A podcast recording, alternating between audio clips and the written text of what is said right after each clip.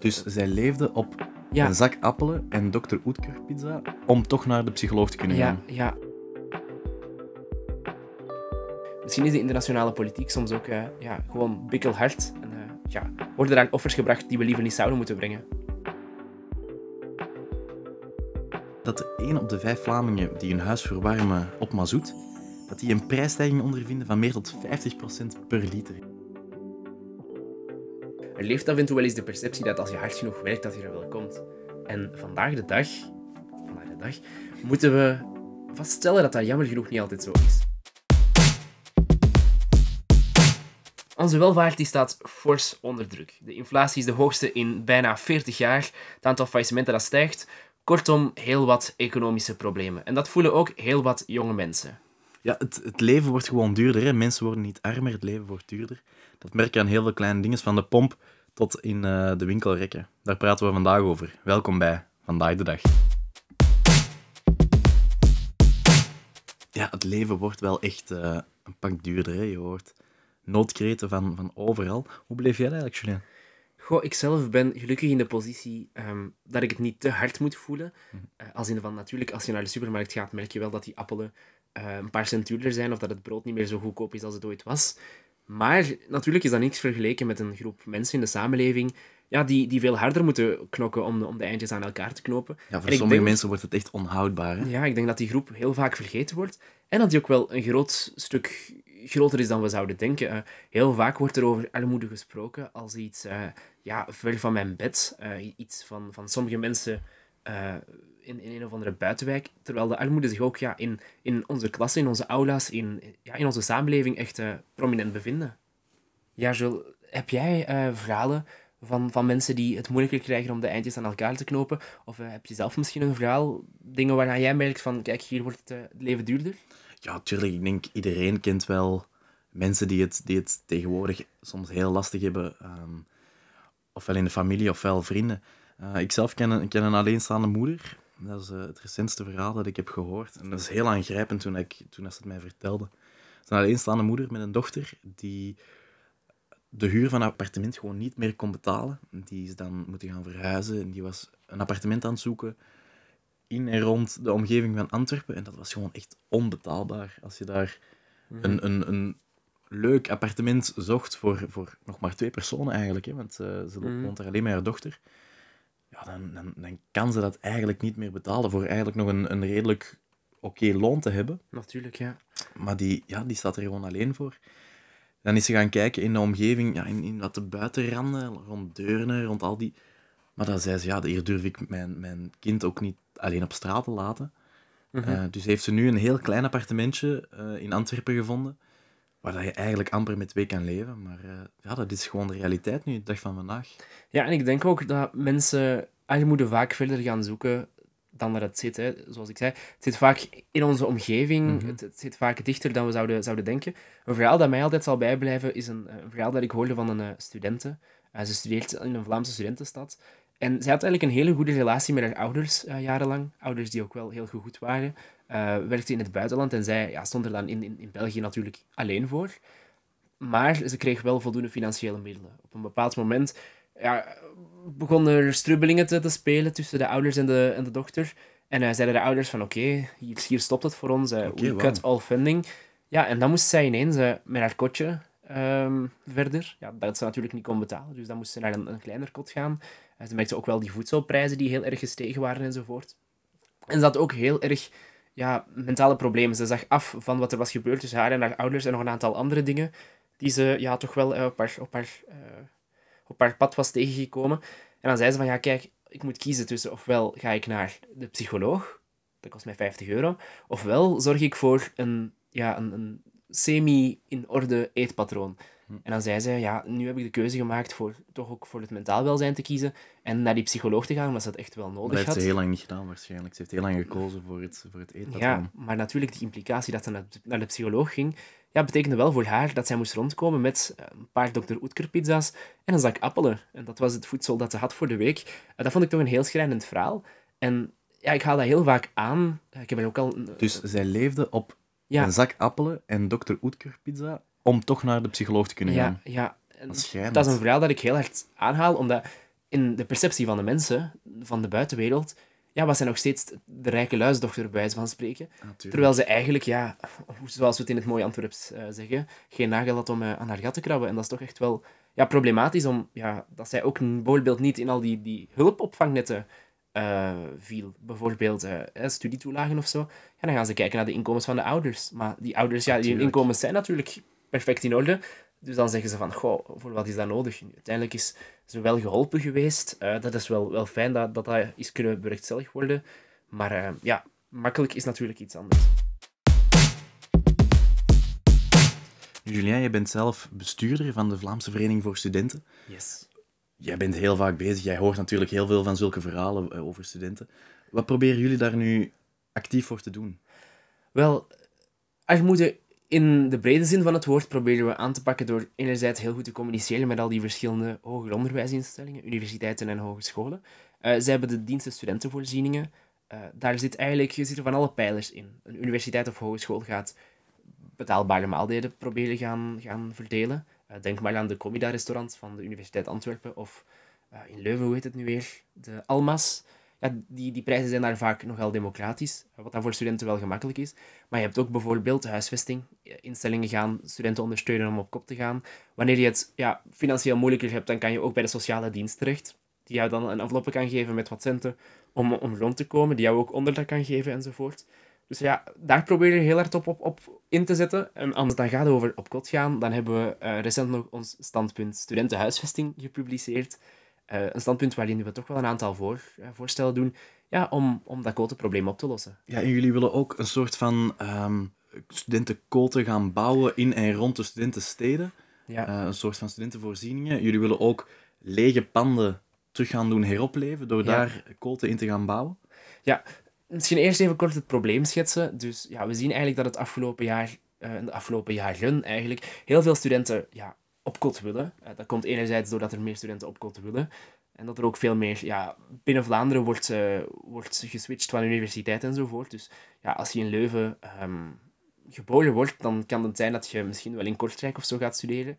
Anderzijds zien we dat er ook heel wat internationale mobiliteit is. En dat zorgt voor een enorme toename van die vraag. Anderzijds zien we ook ja, dat, dat het aanbod aan code absoluut niet mee is geëvolueerd. En we weten allemaal wat dat doet. Ja, dan, dan swingen die prijzen natuurlijk de pan uit, waardoor het één, voor de mensen die het kunnen betalen, moeilijker wordt om een code te vinden, want het aanbod is maar zo klein. En anderzijds, dat het voor studenten die, het, ja, die toch wel, laten we zeggen, iets van financiële restricties hebben, ja, dat zij heel moeilijk aan een betaalbaar code geraken. En vandaar dat we dan ook die, die voorstellen hebben gedaan. Ehm, zoals je zegt, ja, die student villages die we willen bouwen, ja, dat zijn dan eigenlijk um, studentendorpen. Klinkt een beetje futuristisch, maar het is eigenlijk gewoon ja, een, pand met daarin verschillende studentenkamers die dan iets buiten de stad wordt, wordt gebouwd. Uh, om ook die druk op die stadskern weg te nemen. Bijvoorbeeld hier in Edegem. Uh, we zijn niet zo ver van Antwerpen waar we deze podcast opnemen. Ja, op een acht kilometer van de campus kan je perfect een studentenhome bouwen uh, om, om zo toch ja, een aantal betaal, betaalbare quoten ter beschikking te stellen. En hoe kijken onze heren en dames van de politiek ernaar? Zijn die daar enthousiast over? Goh, ik heb heel veel respect voor de manier waarop ze onze nota hebben onthaald. Um, aangezien ze wel allemaal die bereidwilligheid hebben om mee te werken aan het probleem. Meerderheid en oppositie. Het was eigenlijk heel mooi om te zien in het parlement dat daar eh, ja, toch heel veel eensgezindheid was. Ze willen echt wel samenwerken om het uh, beter te maken. Ze, ze beseffen ook wel echt dat het een probleem is. Ja, anderzijds moet natuurlijk de politiek altijd wel het overzicht behouden. En moeten ze ook kijken van, oké, ja, ingrepen op de quotemarkt, dat geeft ook bepaalde gevolgen voor de reguliere woonmarkt. Want voor jonge gezinnen is het ook al niet gemakkelijk om een kot te kopen. En elke studentenkamer die erbij komt, dat is plaats die wordt ingenomen voor een jong gezin ehm, dat, dat, ja, dat dan op die plek niet kan gaan wonen. Dus daar heb ik ook wel veel respect voor. Um, maar anderzijds mogen we ook niet vergeten dat die jeugd het ook wel waard is om in te investeren. Uh, en ja, daar op kot gaan niet voor iedereen een luxe is maar soms ook een nood. Uh, ik sprak met een student die in Kortrijk woont en hij moest in de, op de U Hasselt zijn, zijn uh, favoriete richting gaan studeren, een richting waar hij al jarenlang van gepassioneerd was. Ja, dat pendelen, dat is, uh, dat is onhoudbaar. Oké, dus het zal echt wel een kwestie worden voor onze heren en dames van de politici om die balans op te maken tussen genoeg studentenkool te voorzien, maar toch ook nog genoeg investeren in die die prijzen voor de, voor de jonge gezinnen, op, voor hun huizen, appartementen enzovoort. Ja, maar zeker natuurlijk ook die studenten eh, niet vergeten. Ja, de prijzen op de woningmarkt en uh, op de markt van de studentenquote, die hebben we gehad. Maar ook elders uh, stijgen die prijzen enorm. Denk maar aan de energieprijzen uh, of de prijzen aan de pomp. Jules, je hebt daar uh, cijfers over, hè? Ja, die swingen echt de pan uit tegenwoordig. Ik moest onlangs een reportage maken um, over die energieprijzen.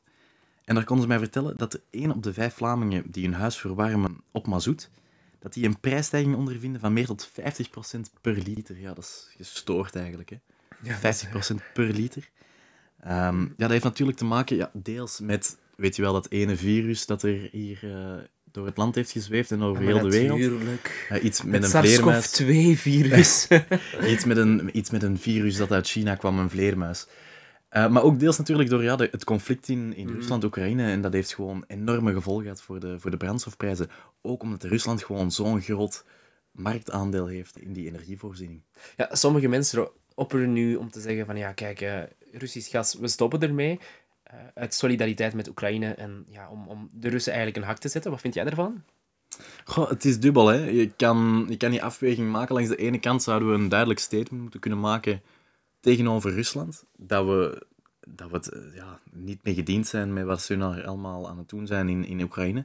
Langs de andere kant moet je ook oppassen met die sancties. Want door te veel te gaan sanctioneren, zou je maar eens zelf in een oorlog verzeild kunnen raken. Je weet hoe, ja, hoe gek die man is. Ja, en ik denk dan ook altijd van... Ik denk dat je niet mag vergeten dat de mensen ook nog altijd redeneren vanuit hun portefeuille. En ik denk dat het heel belangrijk is, ook om ja, dat, dat ene blokvorm tegen Rusland te behouden, dat we ook niet intern verdeeld gaan worden, omdat onze bevolking veel te veel te arm wordt, omdat ze zich niet meer kunnen verwarmen. Uh, ik denk dat dat toch wel heel belangrijk is. Natuurlijk moeten we heel duidelijk kunnen maken van, oké, wat Rusland daar doet, kan niet. Maar, maar anderzijds... met sancties ook niet in onze eigen voeten schieten. Voilà, exact. En uh, anderzijds bijvoorbeeld, als je kijkt naar China, daar doen we nog altijd heel veel zaken mee. Maar wat zij uitsteken met de Oeigoeren bijvoorbeeld, ja, dat is ook niet, uh, om, om over naar huis te schrijven, dat is ook niet iets, uh, iets fraais. Maar daar doen we ook nog altijd zaken mee. Dus dan denk ik van, oké, ja, misschien is de internationale politiek, en het klinkt heel cynisch, hè, maar misschien is de internationale politiek soms ook ja, gewoon bikkelhard. En ja, worden er aan offers gebracht die we liever niet zouden moeten brengen. Die prijzen worden dus allemaal duurder. Ik heb ook nog een aantal andere saillante cijfers bij.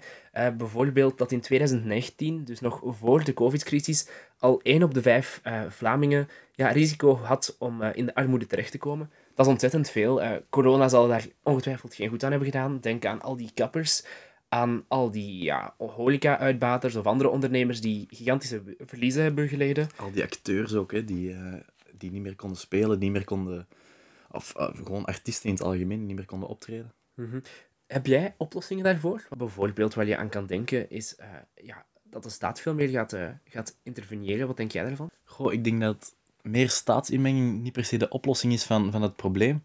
Ik denk dat je ook op, op kleine manieren kan, kan helpen als, als overheid. Um, in plaats van dan bijvoorbeeld soep uit te gaan delen, zoals Ben Wijts heeft gedaan. Maar, maar voorzie bijvoorbeeld warme maaltijden op school. Of, of gewoon maaltijden toekoer. Ja, en ik denk dat het ook wel eh, een oplossing kan zijn om ja, de vangnetten die er zijn momenteel, om die ook wel eens te gaan bekijken. En eens te kijken van, oké, bijvoorbeeld studietoelagen, vallen daar wel genoeg mensen onder? Want heel vaak, en dan merk je in heel wat dossiers, heb je de groep hele arme mensen die wel een of andere vorm van steun of compensatie kunnen krijgen. En dan de heel rijke mensen, ja, laat ons eerlijk zijn, hen boeit het niet zoveel. Oké, okay, het is niet fijn dat ze meer moeten betalen, maar um, ja, zij, zij kunnen nog wel onder, overleven. Maar anderzijds heb je ook die groep, ja, wat we dan noemen de lagere middenklasse, die keer op keer ja, echt koud wordt gesteld, laat ons bijna zeggen.